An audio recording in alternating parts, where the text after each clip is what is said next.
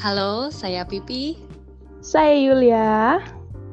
Saya Eka Dian dan selamat datang di Suara Perempuan.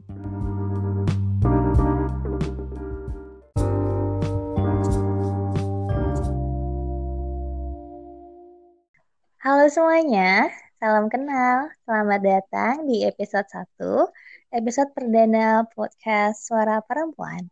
Di episode pertama ini, Suara Perempuan akan menyuarakan suatu hal yang berkaitan dengan pertanyaan, kapan nikah?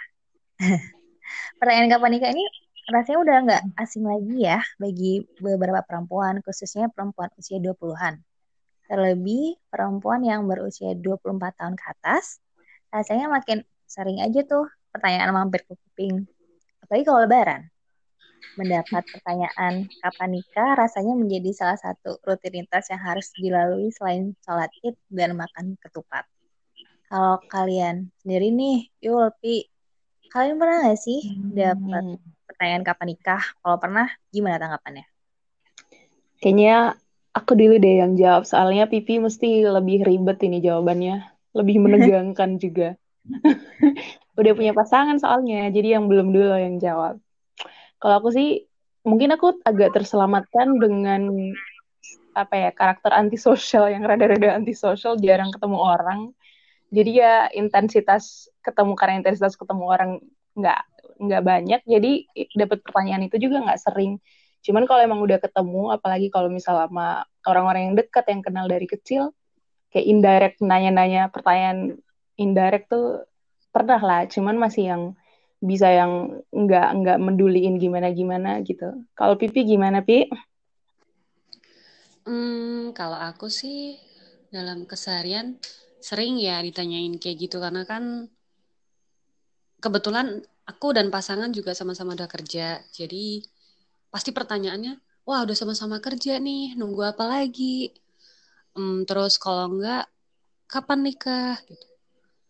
Jadi kalau aku sih lebih ke bercandain gitu sih. Aku selimurin gitu jawabannya.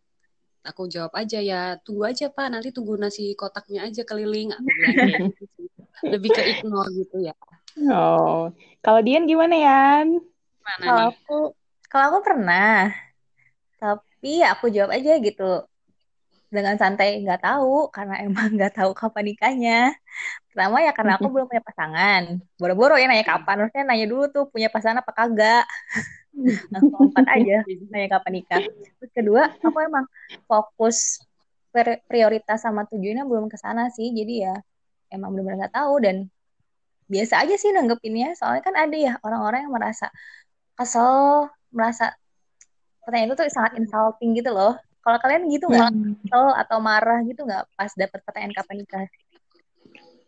Kalau aku sih nggak sangat nggak pernah nggak soalnya aku mungkin karena sama kayak Dian emang itu belum belum nyampe situ belum kepikiran buat itu. Jadi tekanan ke diri sendiri tuh nggak ada. Jadi emang karena tekanan ke diri sendiri nggak ada jadi nggak ada alasan buat ngerasa gimana gimana kalau dapet pertanyaan kayak gitu. Cuek aja di dibicarain aja Iya sih, kalau aku sih lebih karena kalau marah sih enggak, lebih karena kesel aja.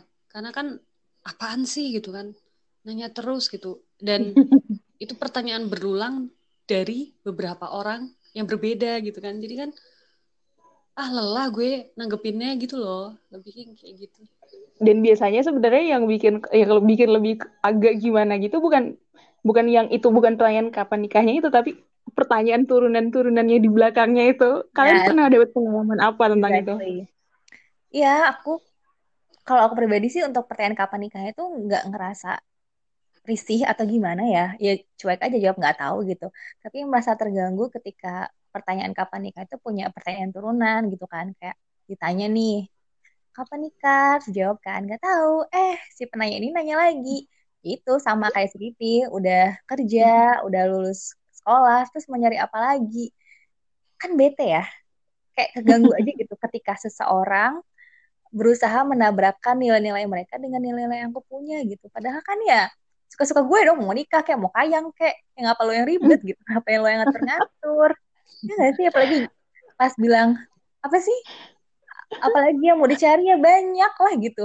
Ya gua, gua mau ke sini mau ke sana ya banyak gitu. Kalau mau diutarain udah kayak curhat aja keselnya itu sih Iya. ketika maksa-maksa nilai mereka untuk aku anut gitu bete kan Cuman- ya atur. Gak apa ya kita nggak terlalu punya banyak waktu untuk menjelaskan ke mereka gitu nah bener banget dan nggak nggak ngerasa perlu menjelaskan juga sih gitu Iya. Banget. Apa pentingnya gitu buat kita jelasin kan? Jadi ya just ignore gitu aja sih. Mm-mm. Terus juga ini sih kayak kepikiran kenapa sih pertanyaan ini tuh kayak yang sangat apa ya sangat kayak udah kayak basa-basi umum aja udah kayak kayak greeting selamat pagi apa kabar? Basa-basi yang sangat basi Banget. sebenarnya kan. Kayak kalau ketemu gitu kapan nikah? Kayak yang kayak nggak ada pertanyaan lain dan kenapa harus pertanyaan itu yang muncul gitu. Apalagi ketika kita udah usia 24 tahun ini 24 tahun ke atas kenapa kayak harus aja gitu di dipertanyakan gitu Setahun gak ketemu pas mudik, ah, Hmm. yang pertama ditanyain, gimana? Udah ada belum? Udah kapan nih? Ya ada. Udah kayak nggak ada pertanyaan lain selain menikah gitu. Tendensinya semua hanya menikah gitu. udah kayak template aja ya kapan nikah itu tuh Ya soalnya emang gimana ya emang emang konstruksi sosialnya menjadikan menjadikan nikah nikah pada umur tertentu tuh jadi kayak apa ya bentuk jalan hidup yang ideal gitu kali ya Enggak. kayak framework Maksudnya hidup tuh gimana stage stage kehidupannya itu loh. Jadi kalau harusnya gini, harusnya begitu, harusnya setelah banget ini. setelah ini ini setelah ini ini umur segini harusnya udah gini umur segini harusnya udah gini jadi kayak ada timeline yang ideal gitu apalagi kita cewek. Kayak kalimat-kalimat kata-kata kayak perawan tua atau nanti cowok nggak bakal ada yang mau lagi atau jadi apa sih? Ada yang aku pernah dengar kayak perempuan sih hal-hal kayak gitu itu yang wah gila ya. Iya. Dan lucunya tuh kayak iya keburu perawan tua tapi aku entah aku yang nggak pernah denger atau aku yang jarang denger ya nggak ada gitu. Entar Mm-mm. ke- yang ke cowok ya kapan nih kan jadi bujang tua gitu. Eh asing aja. Masih kayak perawan tua perawan tua gitu.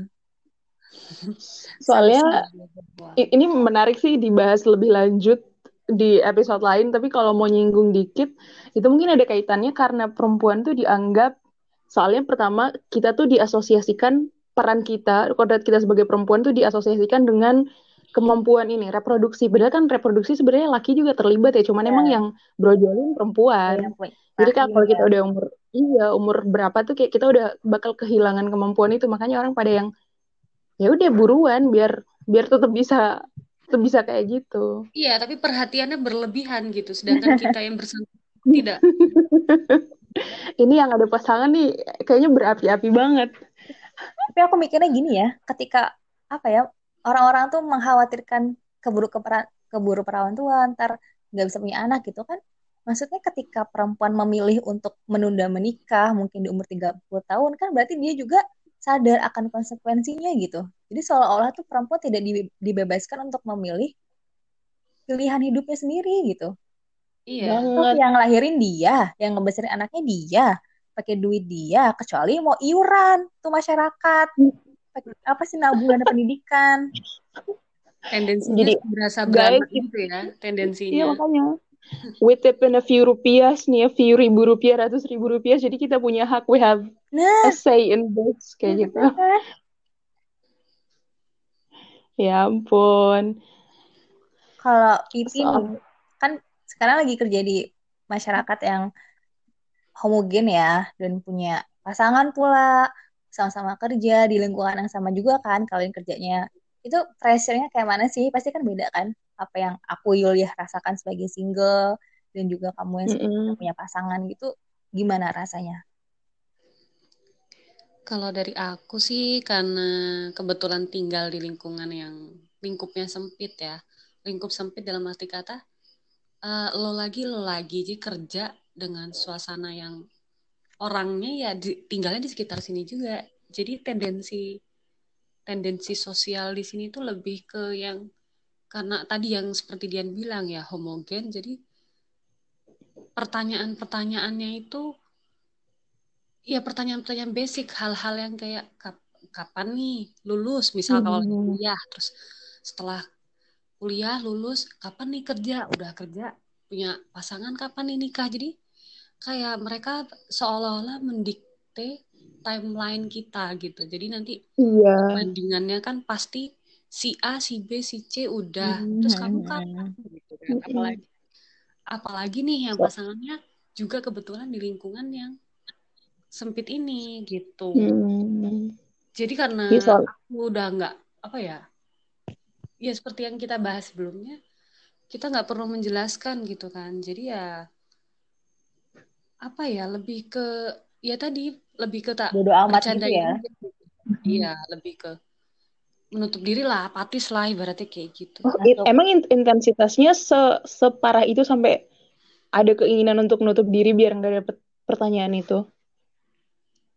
eh entah kenapa ya belakangan ini sih mungkin karena disibukkan dengan pekerjaan dan juga eh, apa ya tidak ingin memikirkan hal-hal yang Tidak bukan perlu remeh dipikirkan. kan itu pertanyaan iya Hmm. dipikirkan bukan pertanyaan yang menjadi prioritas kita gitu jadi Hmm. ya udah lebih ke ah udah gue pulang kerja di rumah tidur besok kerja lagi gitu aja sih ibaratnya lebih ke nggak terlalu include sama society di sini gitu Tapi kan kalau Pipi. Pipi kan sering ya dapat pertanyaan gitu kan. Iya kalau Walaupun kalian gimana nih? Iya walaupun misalnya Pipi emang hanya mengabaikan gitu kayak masuk telinga kiri keluar telinga kiri kan tanpa nyangkut di otak ada nggak sih at the moment gitu kayak kepikiran juga wah gue ya juga ya Iya. segini udah punya pasangan kok belum nikah. Jadi seenggaknya tuh masuk ke alam bawah sadar tanpa kita sadari gitu pernah nggak sih Wi ngerasa kayak gitu? Hmm, kalau karena dia sampai ke bawah alam sadar sih nggak pernah sih ya. Cuman lebih ke kayak ya udah ngasih ke pengertian ke pasangan kita, terus ke orang tua kita kalau memang ya udah timeline kit- timelineku ya seperti ini. Nanti toh kalau ada waktunya pasti kita akan apa ya ya memberitahukannya kan ibaratnya mengatakan bahwa kesiapan Hmm. kita gitu karena kan itu kan memutuskan untuk menikah tuh kompleks menurutku sih ya. Jadi ya ada kesiapan mentalnya ibaratnya gitu. Jadi untuk memutuskan yuk kita Mhm. menikah nggak nggak mudah gitu. Oh, tapi menurutku bijaksana sih kalau misal udah udah bisa mikir kayak gitu, soalnya berarti udah bisa mengidentifikasi apa tekanan yang didapat dari pertanyaan kapan nikah itu sebenarnya datangnya dari siapa? Apakah dari diri sendiri yang ngasih tekanan ke diri sendiri karena emang udah masang target umur segini harus Hmm. gini, Hmm. dari apa comparison to peers teman-teman kita yang apalagi sekarang zaman sosial media dikit-dikit kita buka Instagram, kita bu- buka Facebook dapat kabar ini abis nikah ini begini Ya. kondangannya gini gini Instagram isinya foto-foto bayi gitu banget aduh. Terus ada juga emang yang dari keluarga tuh kayak entah secara langsung atau enggak langsung kayak ada ada pressure. Tapi kalau emang diri kita kayak Pipi tadi cerita emang nggak ada self imposed pressure bisa sih lebih bijaksana. Kalau Dian nanggepinnya gimana? Setuju sih. Kayak harus tahu dulu gitu ketika kita terganggu dengan pertanyaan kapan nikah itu harus aware nih kita terganggunya apa karena si orang yang nanyanya terus apakah karena caranya dia bertanya atau karena pertanyaannya? Misalnya kalau memang karena pertanyaannya Hmm. kapan nikah kan berarti kayak alarm gitu kan loh kenapa jadi kesel? gitu. Padahal kan itu bisa di apa ya sesuatu yang netral kan sebenarnya pertanyaan itu tanpa ada muatan emosi gitu. Jadi misalnya kalau misalnya kita eh, rasa kesel tuh ya gitu mungkin coba deh eh, dipikir lagi apakah karena emang kita punya secara nggak sadar punya ini punya tekanan ke diri sendiri untuk menikah di umur segini atau resah ngelihat teman-teman yang lain udah menikah gitu. Jadi ketika kita udah tahu nih sumber kekesalannya jadi kita kayak lebih mudah mengatasinya gitu. Benar-benar kayak Pipi kan aku nanya oh walaupun dia ditanya sama orang-orang sekitar dan intensitasnya itu sering tapi dia sendiri sebenarnya emang nggak ngerasa tertekan karena emang dari dirinya sendiri pun nggak apa ya nggak memasang target gimana gimana untuk menikah gitu jadi ya udah mau masyarakat ngomong apa tapi si pipinya tahu apa yang dia mau ya bodo amat gitu Benar-benar setuju banget. Lebih bodoh amat. Iya, kalau menurut aku sih justru pertanyaan yang lebih mengerikan itu uh, apakah kita tuh benar siap untuk menikah gitu loh. Hmm. Yes, benar. Maksudnya banget. kapan nikah mungkin bisa aja kita jawab 10 tahun lagi, lima tahun lagi, tapi kapan siap menikah itu yang izeknya yang kita yang lebih bisa bikin lebih mikir-mikir gitu. ya.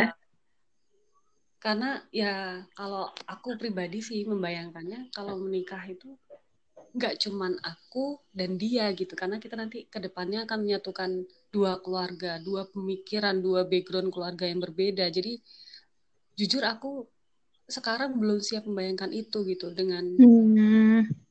Apa ya dengan tekanan tekanan kondisi sekarang nih maksudnya pekerjaan dan di tengah pandemi COVID ini. Jadi menurutku wah udah sekarang saatnya menikmati hidup dulu santai, menikmati apa ya peraturan pemerintah yang sekarang sedang berjalan ya. Nikahnya nanti aja dipikirin gitu. Pikir COVID nih, itu doang bercandaan. Oh, jadi kayak alat kayak bercanda aja gitu ya masih covid jadi belum sempat nikah gitu. Nah, soalnya kalau kita nggak mau nikah online di KUA menjelaskan. Nikah itu pak membutuhkan kesiapan mental. Lah bullshit lempar kita sama ya bener sih nggak perlu memberi penjelasan karena mereka sendiri punya penjelasan tersendiri hmm. gitu nggak akan nyambung gitu karena beda beda pandangan pasti gimana kita, kita mau mau convince orang yang emang dari awal dia udah nggak nggak bersedia dengerin penjelasan kita. Iya. Exactly. Dan sedangkan pasti kalau kita menjelaskan tentang seperti itu ke mereka, pasti dia, wah dulu aku ini bertemu dengan nah. oh hanya seminggu saja aku menikah bapak gitu kan. Ibaratnya aduh gak ngerti lagi.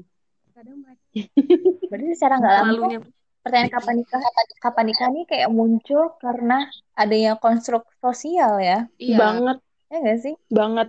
Soalnya pernikahan itu kan kayak legal partnership. Jadi kayak kayak di diakui negara diakui masyarakat. Jadi tuh kayak kita tuh udah lengkap Achievement? udah udah lengkap gitu pokoknya kalau udah nikah udah sebagai bagian dari masyarakat tuh udah udah ada tempat gitu di masyarakat iya iya sampai aku tuh pernah deh baca tweet orang gitu di Twitter kan dia udah apa ya menurut aku ya high achievement lah mm -hmm.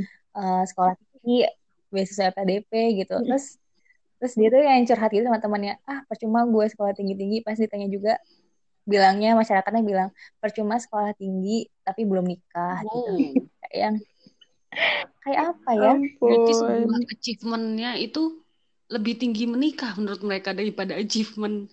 Iya, nah, makanya itu pikir. Nah, itu menikah tuh the highest the highest possible achievement yang orang bisa dapat dalam hidupnya. Iya, seolah-olah ya mungkin kalau orang udah sukses tapi nggak nikah, kehidupannya gagal gitu. Iya, bener. Mungkin bagi mereka ya udah sah-sah aja sih mereka menganggap nikah itu adalah pencapaian, tapi kan akan menjadi tanda kutip salah ketika mereka memandang pencapaian orang lain itu tidak lengkap ketika menikah. Iya, tidak ada. Belum menikah gitu. Mm -mm, banget. Iya.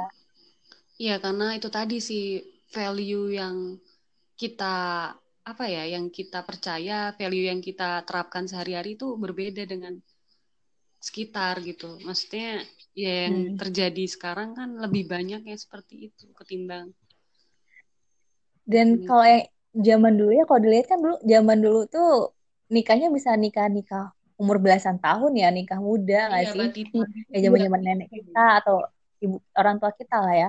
Terus kalau dilihat nih kalau sekarang tuh kayak udah apa ya? Kaum muda kaum muda. Uh, kaum kaum masih dewasa awal tuh lebih cenderung menunda. Menikah nggak sih? Iya bang. Umurnya gitu. Delay delay. Mungkin soalnya aku Iya soalnya kemarin aku tuh kan baca gitu kan mm-hmm. nemu jurnal. Menarik banget. Dia tuh bilang ternyata di, di Amerika Serikat itu pas tahun 1970 50 persen uh, pernikahannya tuh berujung perceraian gitu. Oh. Jadi 20 tahun belakang ini tuh ternyata uh, tren perceraian tersebut tuh mengalami penurunan. Tapi bukan berarti uh, angka perceraian itu turun karena uh, kepuasan atau kualitas pernikahannya meningkat. Tapi kan ada hal lain yaitu menurunnya angka apa sih menurunnya angka perceraian itu terjadi karena penundaan usia, hmm. penundaan usia menikah, kohabitasi, meningkat kohabitasi sama meningkatnya angka individu yang memilih untuk tidak menikah gitu. Hmm. Dan ternyata fenomena itu tuh juga terjadi gitu di Australia, di Eropa, bahkan di banyak negara Asia termasuk Indonesia gitu kan. Terus juga aku nemu data menarik nih di dari Badan Pusat Statistik. Yes. Tahun 2010 nih rata rata-rata usia perempuan yang menikah itu 22 tahun. Sedangkan untuk laki-laki itu 25 tahun. Itu 2010. Sedangkan di tahun 1970 uh, rata-rata usia perempuan yang menikah itu 19 tahun dan laki-laki 23 tahun. Kan berarti emang oh. ada terjadi penundaan kan ya, seiring berjalannya waktu, waktu gitu. Mungkin ya, dan seiring berjalannya waktu dan, seseorang punya target gitu. Iya, dan pertanyaan adalah kenapa bisa terjadi penundaan usia menikah itu gitu kan? Ada apa gitu hmm. dulu bisa aja mereka mereka nikah umur belasan tahun tapi sekarang kenapa uh, masyarakat atau kaum kaum muda ini tuh cenderung untuk menunda usia menikah sebenarnya kan pertanyaannya gitu oh kalau aku mikirnya mungkin karena semakin ke sini kita kaum kaum mudanya tuh yang adultnya mulai punya apa ya perspektif tentang kehidupan pernikahan yang lebih lebih adil. Iya, lebih adil. Dalam arti iya bahwa nikah tuh nggak cuman bahwa nikah tuh ribet, nikah tuh kompleks. Belum kita ngomong kita ngomong soal menjaga ngomong cinta dan romantismenya, belum lagi kita ngomongin sisi-sisi kehidupan yang lebih praktikal, misal finansial dan segala macam yang ngikut-ngikut. Jadi orang semakin menyadari itu, semakin berpikir untuk kalau menurut aku semakin sadar bahwa oh ya udah berarti kalau emang mau nyampe ke step masuk ke jenjang pernikahan harus ada dulu yang dipersiapkan. Nah karena ada jenjang waktu untuk persiapan itu makanya mungkin rata-rata umur ketika orang akhirnya memutuskan untuk nikah itu semakin ke sini semakin semakin tertunda orang semakin yang dulunya 19 tahun sekarang 22 mungkin ke sini juga akan lebih mungkin 23, 24, 25 dan seterusnya. Kalau menurut kalian gimana? Iya, kalau menurutku sih karena mungkin ya kalau aku sih membaca situasi yang sedang berjalan tuh kayak mungkin cowok ya, mungkin yang cowok tuh pinginnya oh saya ini nanti akan menghidupi seorang wanita nih. Jadi minimal saya harus punya pekerjaan tetap ya. Mungkin seperti itu. Jadi kan hmm. sebelum dia mencapai pekerjaan itu sendiri kan pasti dia oh sebelum aku dapat kerjaan aku harus dapat mengakses pendidikan yang lebih baik nih, misal kuliah, misal hmm. bisa ikut pelatihan atau dan lain sebagainya yang bisa apa ya membuat mereka bisa bekerja gitu kan. Ibaratnya gitu minimalnya. Sebelum nanti mungkin ada pilihan untuk berbisnis atau yang lainnya gitu sih. Jadi kan hmm, kalau dia setuju sih aku tertarik sama poinnya Pipi sama poinnya Julia di mana ketika uh, Eh, laki-laki maupun perempuan mempunyai akses pendidikan dan kesempatan bekerja yang mulai sama lah ya. Jadi oh. ketika kita ketika kita uh, lulus gitu kan, berarti kan peluang untuk bekerja kan semakin meningkat. Dan mm-hmm. ketika kita punya pekerjaan, kita juga kan mempunyai apa ya, financial independent gitu. Apalagi mm-hmm. untuk perempuan ya, khususnya untuk perempuan gitu. Ketika perempuan mempunyai penghasilan sendiri, dia jadi kayak yang mindsetnya tuh menikah bukan untuk bergantung kepada laki-laki gitu ngerti nggak hmm. bukan mencari seseorang untuk mensupport ya. untuk mensupport dia jadi dia juga punya apa ya standarnya sendiri gitu karena dianya udah uh, udah berusaha nih untuk sekolah terus untuk mencari kerja punya penghasilan sendiri otomatis dia juga punya kriteria dong untuk mendampingi seseorang yang layak bagi dia gitu Hmm. Gitu, gitu. Nah, penting mencari kriteria-kriteria itu mungkin membutuhkan waktu yang tidak sebentar, apalagi untuk perempuan yang mungkin apa ya fokusnya ke karir gitu. Jadi kan kalau ketika fokusnya ke karir, uh, mungkin waktu untuk nyari partnernya lebih sedikit atau mungkin oh. emang sengaja aja nggak nyari partner demi apa ya mencapai tar target karirnya itu gitu itu sih bisa mungkin bisa mendelay usia menikah gitu menurut aku Aku setuju sih itu. oh dan aku ingat ini jurnal yang aku baca kema- kemarin itu ketika eh, kan sekarang kan udah mulai awam ya apa sih wanita karir wanita punya penghasilan tinggi Heeh. tapi masyarakat tuh melihat eh, pernikahan yang ideal adalah ketika laki-laki itu mempunyai pendapatan yang lebih tinggi daripada perempuan Oh. bukan perempuan yang Oh. lebih tinggi daripada laki-laki gitu jadi kan kayak ngatur banget gitu ya jadi emang sebenarnya kita tuh again sama si konstruk sosial itu si stigma stereotip itu gitu Iya, soalnya yang apa sih? Kalau seandainya kayak perempuan tuh kalau kalau punya penghasilan lebih tinggi dianggap jadi alpha woman gitu loh. ya Dan alpha woman tuh konotasinya jelek. mengancam Oh, menginjak-injak dominan. Me- mengikis maskulinitas lelaki. ya Bahasanya terlalu ini ya. dan Tapi apa ya orang-orang tuh they believe begitu tau. They believe they do believe so pipi bahwa perempuan tuh harus apa ya? Perempuan yang gak submis peremp- soalnya perempuan kalau dia udah dia punya kepercayaan diri yang tinggi, otomatis kan dia dia nggak bakal submisif dan ketika dia bakal dia nggak submisif ya orang she failed one thing or two about being a woman menurut kayak- menurut kayak perempuan tuh disetting untuk nurut nggak punya power gitu ya nggak punya power nggak punya pilihan. Padahal kan sama aja laki-laki dan perempuan gitu. Sama-sama punya pilihan sama-sama punya daya untuk memilih untuk memutuskan gitu. Jadi emang susahnya tuh meng- apa ya melawan si konstruk sosial ini. Karena si konstruk sosial ini kan pasti apa ya terjadi karena udah ada dari zaman-zaman dulu gitu loh. Dan susah gitu diubahnya Dan aku aku bisa bayangin pertanyaan yang didapat oleh orang-orang yang kayak gitu kayak nggak usah lah gitu-gitu, ntar laki pada takut loh. nah Kamu nggak Iya. nemu-nemu loh. Ntar nggak nemu-nemu pasangan jangan- yang kayak yang Yes. sesuai yang kamu inginkan gitu. Ah kamu kebanyakan iya pilih. Ah kamu ini. Ah Iya bener banget. Apalagi kebanyakan milih yang Bo, lo milih presiden untuk lima tahun aja nyampe berdarah-darah kan, nyampe debat ini, debat itu, berantem, tweet war, ngeblok WA ya nggak sih? Ini untuk yang istilahnya kita pengennya emang dalam jangka waktu yang lama Iya, gitu. kan Iya. Masa nggak boleh nggak boleh milih? until the end of our life gitu kan ya. Wede, romantis banget sih, klasik romantisism banget ini Pipi ini. Hopefully di story Dari desak-desakannya tuh kayaknya emang udah ada kepikiran sih, Pi. maksudnya Mau menjawab pertanyaan yang jadi tema kita malam ini dengan undangan, Wede. wah Udah kan. undangan. mungkin kita targetnya lebih ke next episode kali ya daripada kita Apa? undangan Pengumuman, pengumuman pernikahan pipi. no Ada banyak banget yang bisa kita kita omongin. iya Terus It is a good thing and excellent thing to start this podcast menurut aku. Like I am so Ya. proud.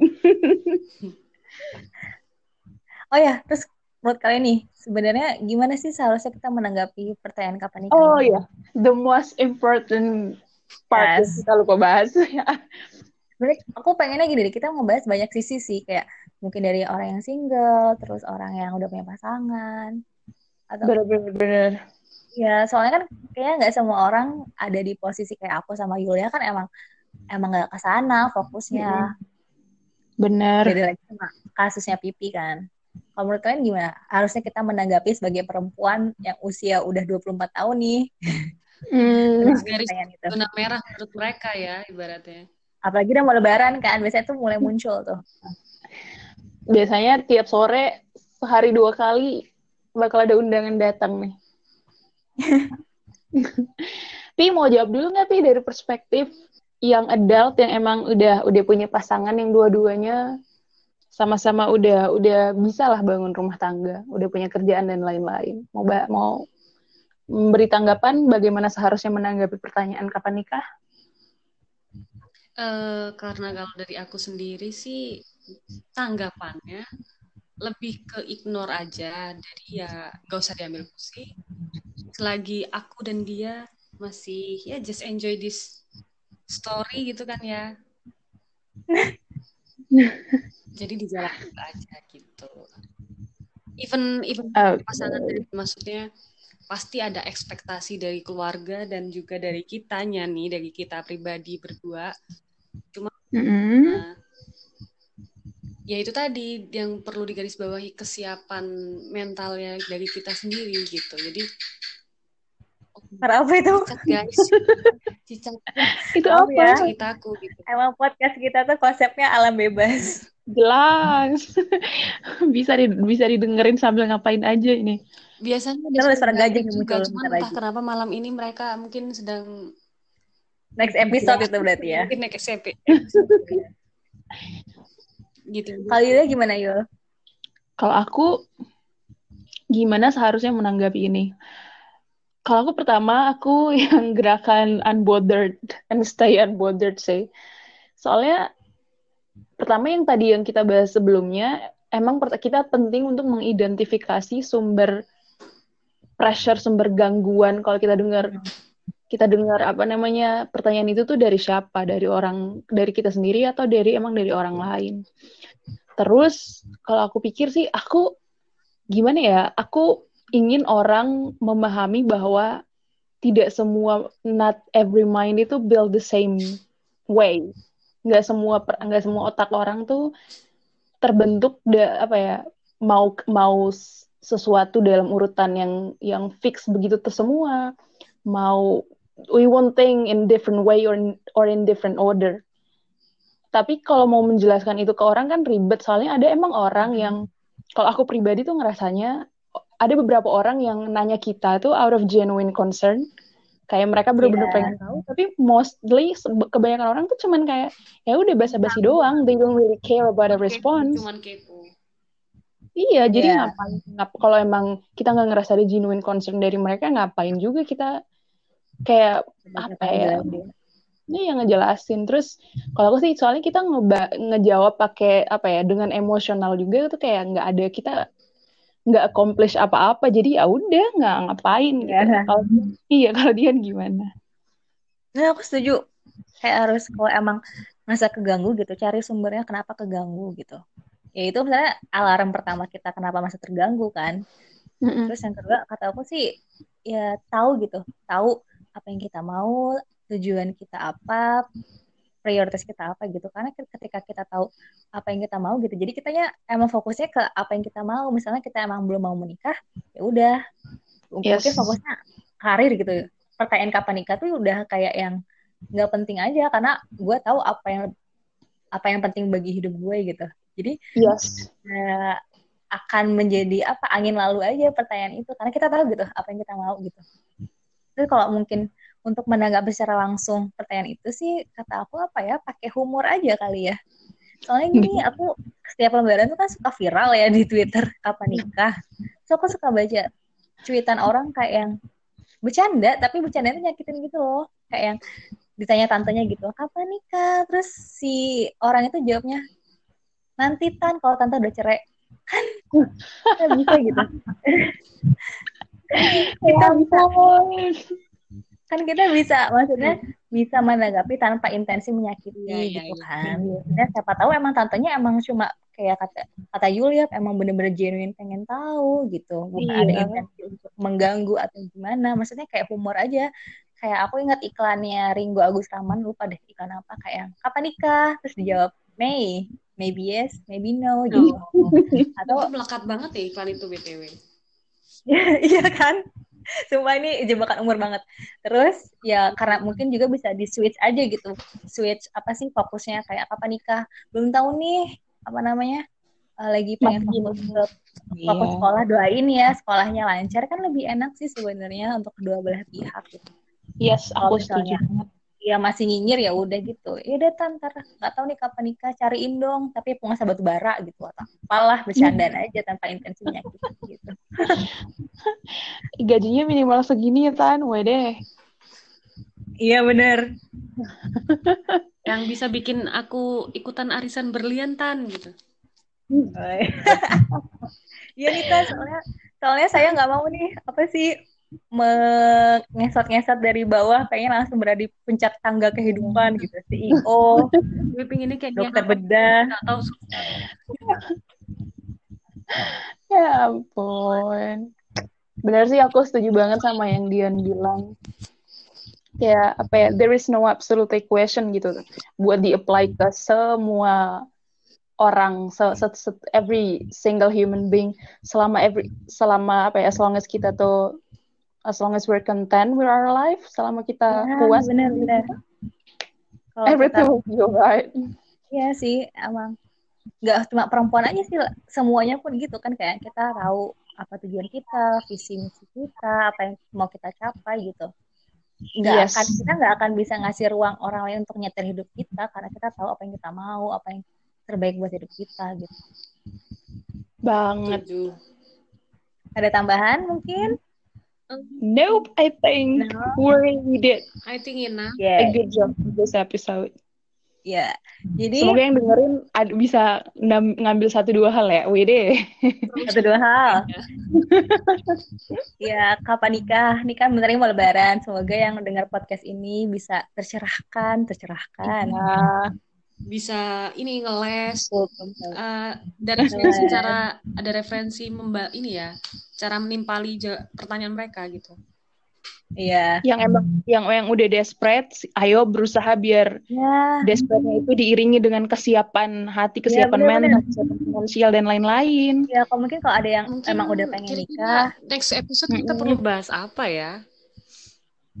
Oh ya, Lebih ke mental itu kali ya buat apa ya? kesiapan menikah mungkin ya. Heeh, maksudnya lebih ke psikis ya, lebih ke psikis gitu, nggak cuma sekedar pertanyaan kan Iya. kalau yang kita bahas barusan baru yang pertanyaan basic lah istilahnya yang Iya, iya. Belum iya mendalam ya. belum kan? Iya, terus episode berikutnya kita bahas apa on love and marriage, wede. Oke, boleh. bisa bisa. Seru nih.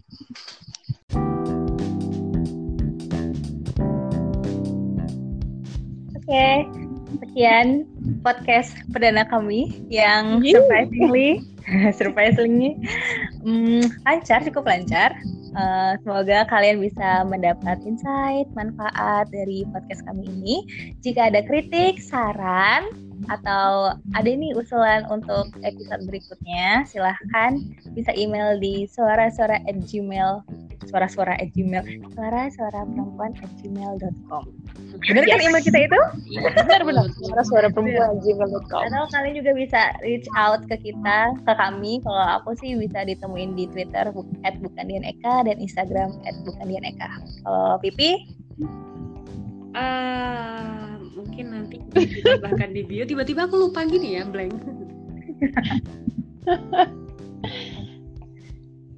kalau Yulia bisa temuin di mana Yulia? Di mana ya? Di cukup di podcast ini aja Berarti Iya, aku cuma aku dong yang nge-share media sosial aku oh ya udah at Zamzul bisa di blog, bisa di at Zamzuli pakai y double double y. Yes. Oke, sampai Alright. jumpa di episode berikutnya. Salam suara perempuan. Bye. Bye bye.